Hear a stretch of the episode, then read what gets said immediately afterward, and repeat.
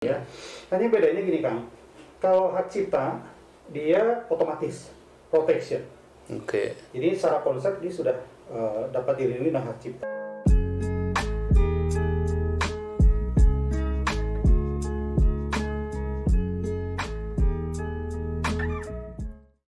Halo pemirsa, kembali kita di acara podcast pisan. Selamat datang di acara ngopi santai bersama saya Rudi Bernata Kusuma. Di kanvas kosong kita selalu isi dengan Law, Life, and Matters.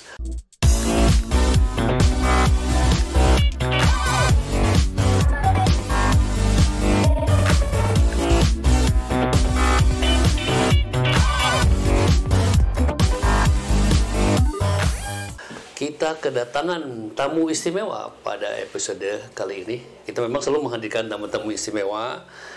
Uh, Pituin Bandung uh, dengan nama lengkap adalah Raden Rizky A. Adi Wilaga dengan nickname Abah Kiki. Siap. Saya panggil Abah Kiki ya? Siap, Ah, Oke, hatur nuhun Wilujeng Sumping.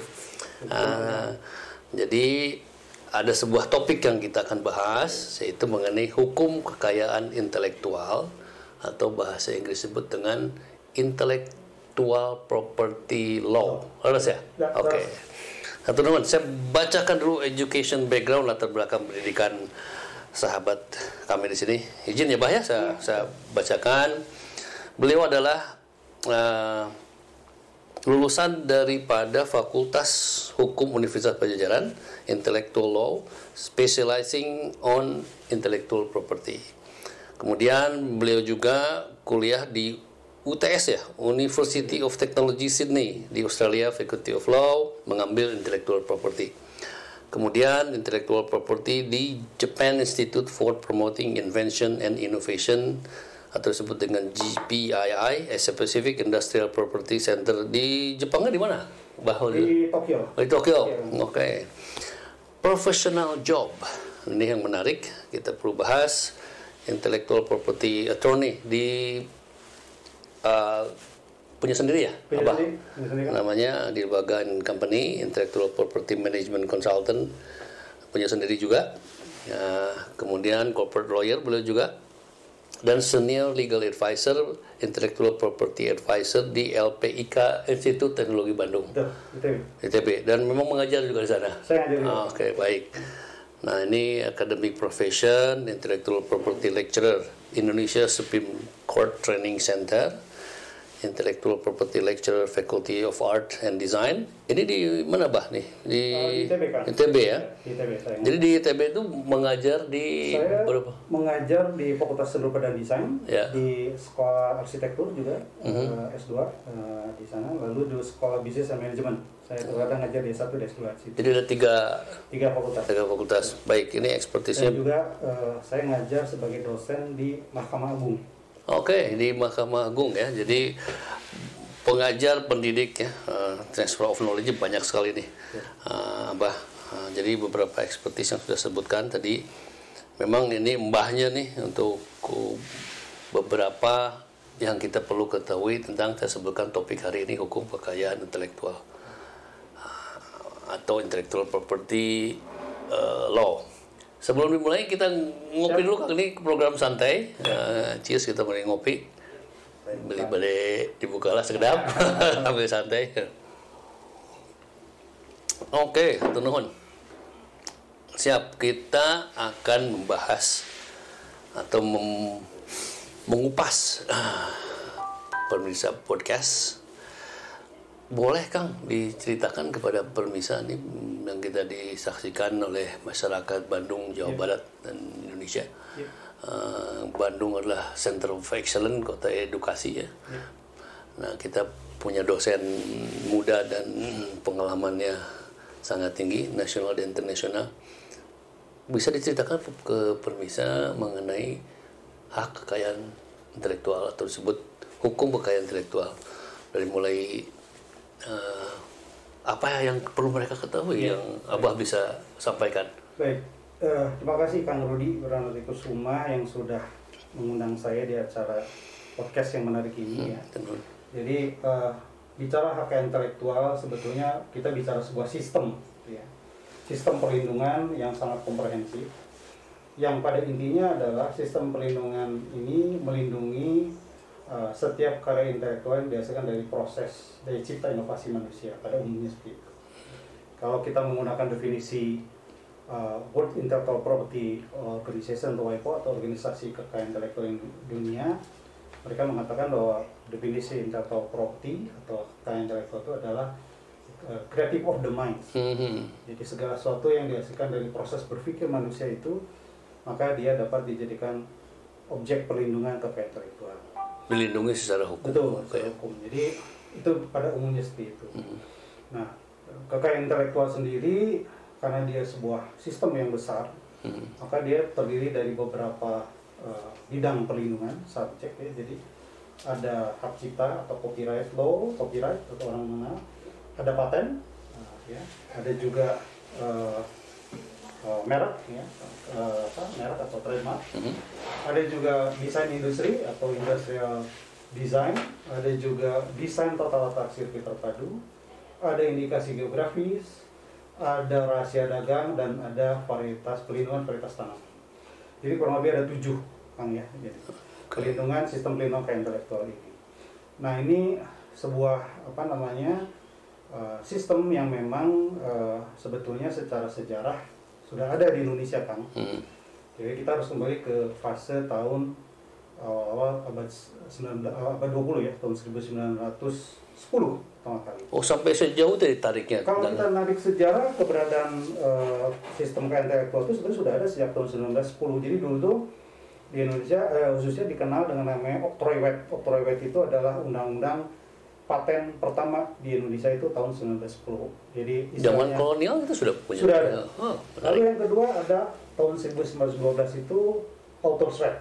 Itu adalah undang-undang hak cipta kalau istilah Hmm. sekarang. Dan yang ketiga adalah undang-undang tentang merek. Baik, oke. Jadi ada tiga undang-undang gitu ya. Nah di Indonesia. Nah lalu itu adalah masa kolonial. Nah pas eh, kita punya undang-undang tahun 61 tentang merek perniagaan.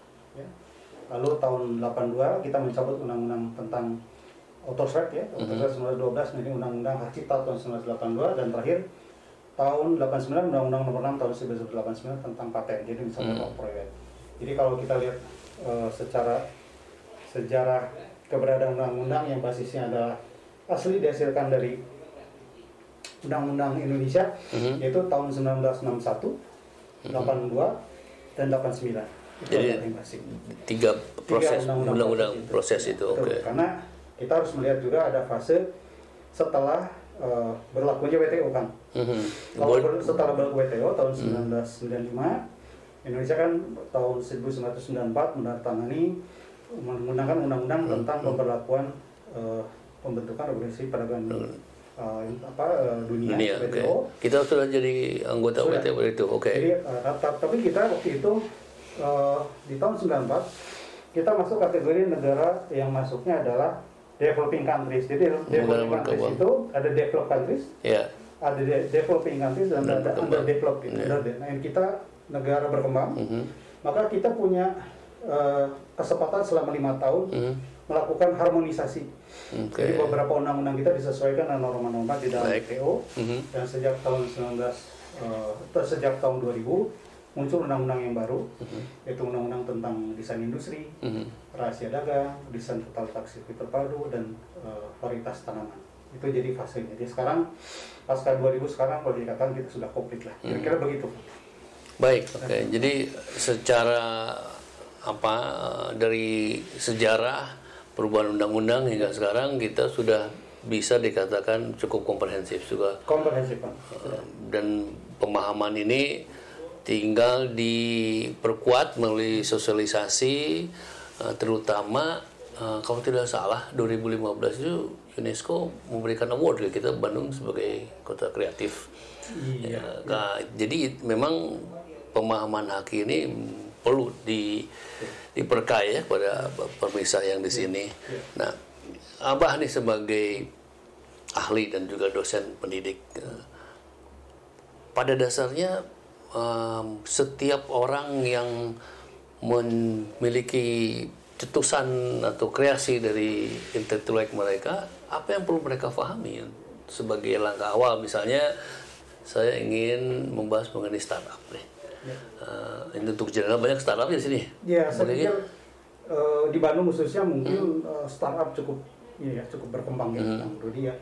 Lagi juga di Indonesia sekarang tampaknya orang eh, di Indonesia khususnya kaum kaum muda ya, yang orang bilang adalah milenial dan zilenial, ya. mereka sekarang akrab dengan startup, tapi juga sebetulnya golongan kalau kita bicara golongan kan, kan ada baby boomer ya, ada eh, Gen X ya, gitu Ya. ya. Kayaknya tahun saya baby boomer ya waktu itu. Awet kolot.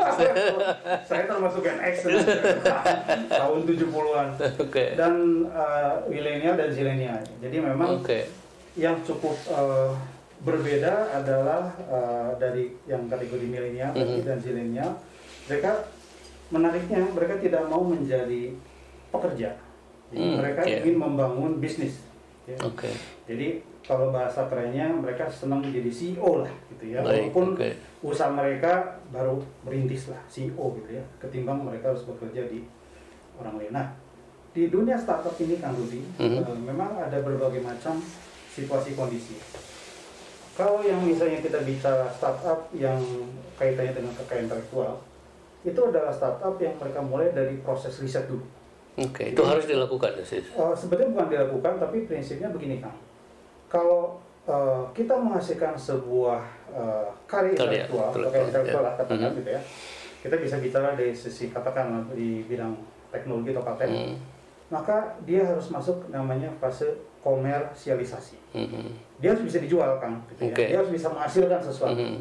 Jadi tidak hanya didaftarkan dipajang, bukan begitu. Baik, oke. Karena prinsipnya kekayaan intelektual itu sebetulnya dia bicara tentang aspek ekonomi Mhm. gitu ya. Jadi ketika dia sudah eh, apa namanya menjadi sebuah eh, apa namanya eh, dokumen paten, maka dia harus dikomersialisasikan. Mhm. Nah, salah satu cara melakukan komersialisasi itu di selain cara lain itu ada dengan cara lisensi, Mhm. itu adalah membangun i- bisnisnya. Nah, Oke. jadi mereka membangun bisnis, ya, membangun bisnis dengan istilah, dengan istilah startup atau wirausaha rintisan, Mhm. usaha rintisan, dengan modal dasarnya adalah kekayaan intelektual. Pak. Baik, Jadi- oke. Sekarang modal itu tidak perlu harus berupa uang, Liquid. liquid Ya. uang. Saya punya uang enggak, gitu ya.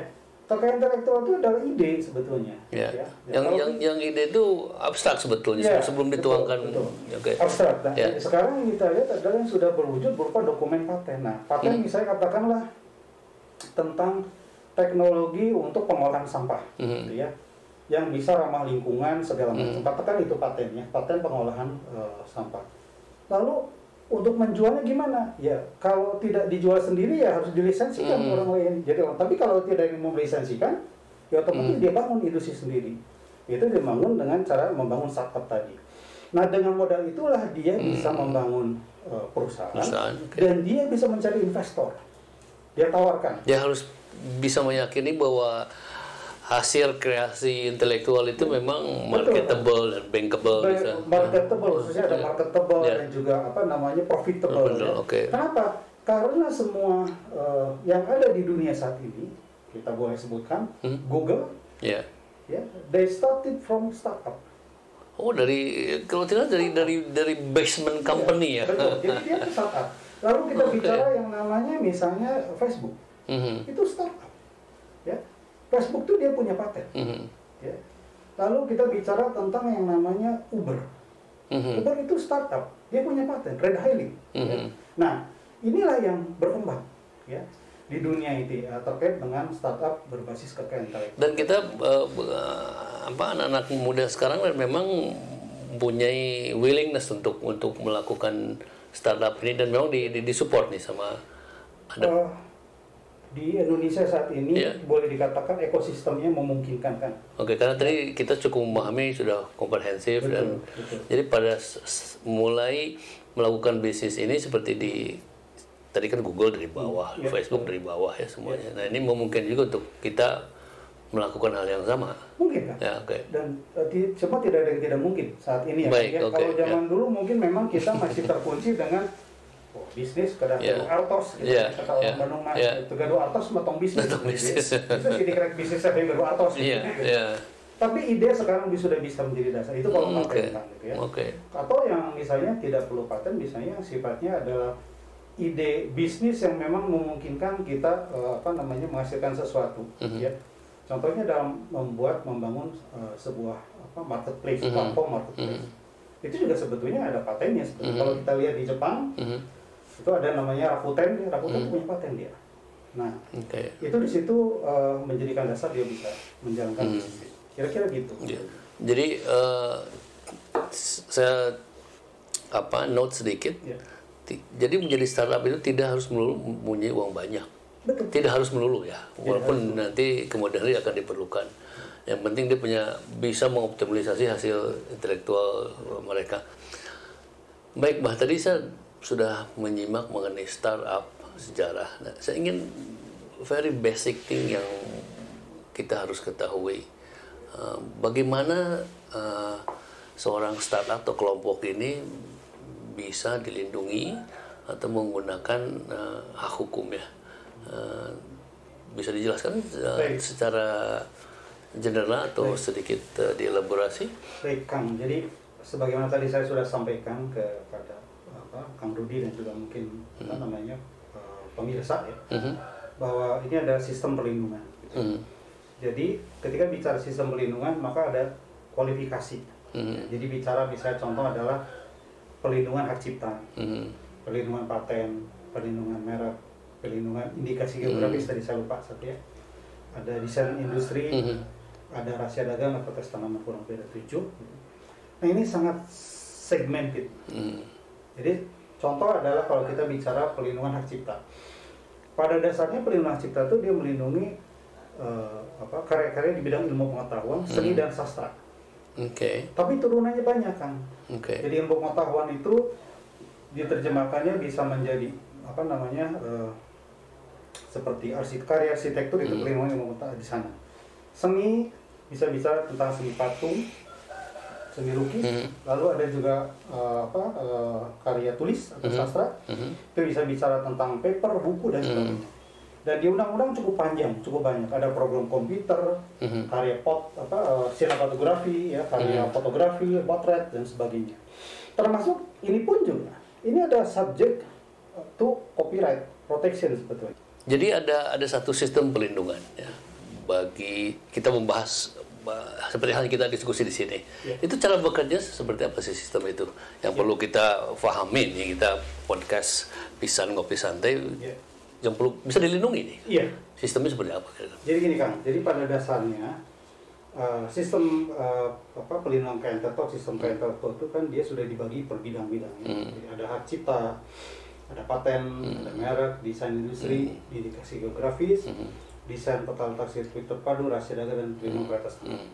Ini segmented. Hmm. Jadi misalnya saya ambil contoh kalau tadi bicara tentang uh, hak cipta. Mhm. Hak cipta itu dia fokus melindungi semua uh, hal terkait di bidang ilmu pengetahuan, Mhm. seni dan uh, sastra.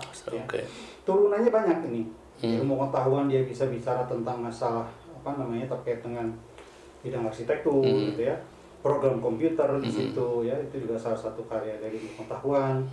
Lalu kalau bicara karya tulis kita bisa bicara paper, Mhm. buku, Mhm. ya tafsir, ya eh, saduran segala macam terjemahan.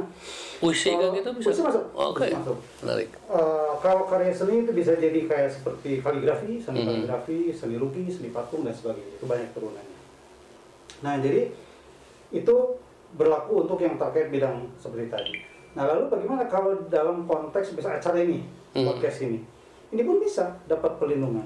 Ya, Baik. sebagai sebuah karya, Mhm. ya karya intelektual itu di Mhm. bidang eh, apa namanya?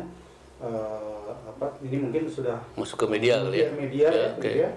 Ya di sini perlindungan dengan konsepnya, sudah Ya. ada perlindungan juga.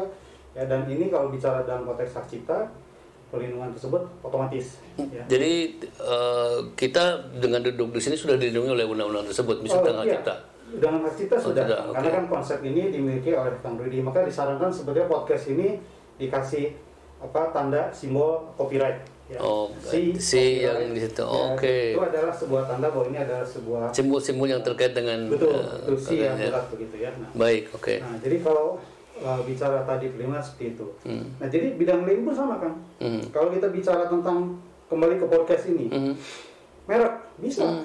Misalnya kita bicara podcastnya merek misalkan kosong. Kosong, oke. Itu adalah merek. Merek apa? Acara yang terkait dengan jasa misalnya, Mhm. gitu ya, jasa apa uh, broadcasting. Mhm. Itu kelasnya ada, Hmm. kelasnya di apa di merek itu ada sekitar 45 kelas. Nah, di situ ada 45? 45 Bah, kelas kan. banyak jadi, juga ya, 45 kelas. Jadi 45 kelas itu terdiri dari 34 kelas barang Mhm. dan 11 kelas jasa. Baik, oke. Ini maksudnya kelas jasa sebetulnya. Oke. jasa. Tapi saya tidak hafal Hmm, asesmen, tapi baik, masih baik. masuk juga. Pak. oke. Jadi dia sudah masuk di situ kan. Jadi dari acara sini saja, menurut hemat saya, dua kekayaan intelektual sudah berlaku, dapat diberlakukan gitu Hmm. ya. Hanya bedanya gini Kang, kalau hak cipta dia otomatis protection. Oke. Jadi secara konsep dia sudah eh, dapat dilindungi dengan hak cipta. Paling eh, tinggal kalau mau dicatatkan, kita catatkan ke Direktur Jenderal Kekayaan Hmm. Intelektual. Lalu kalau merek harus daftar karena tidak bisa otomatis. Oh, merek tidak bisa otomatis. ya. Merek itu dia eh, untuk mendapatkan hak atas merek itu dia Hmm. wajib daftar, wajib majukan permohonan maksud saya. ya. Jadi kalau bisa diambil orang loh kita merek itu di Oh daftar. iya, kalau akan Rudi sekarang Iya. santai berpodcast terus, ada Iya. orang mengambil misalnya Iya. merek kanvas kosong, Oh, tulisan Ya. font ini misalnya jadiin itu bisa. Oke, Bisa. baik, oke. Tapi jangan-jangan Kang Rudi malah disomasi sama orang. Itu punya saya mereknya Kang Rudi saking asiknya gitu ya. Oke. Gitu ya. Nah, Oke. kira-kira begitu Iya. ya. Jadi itu contoh.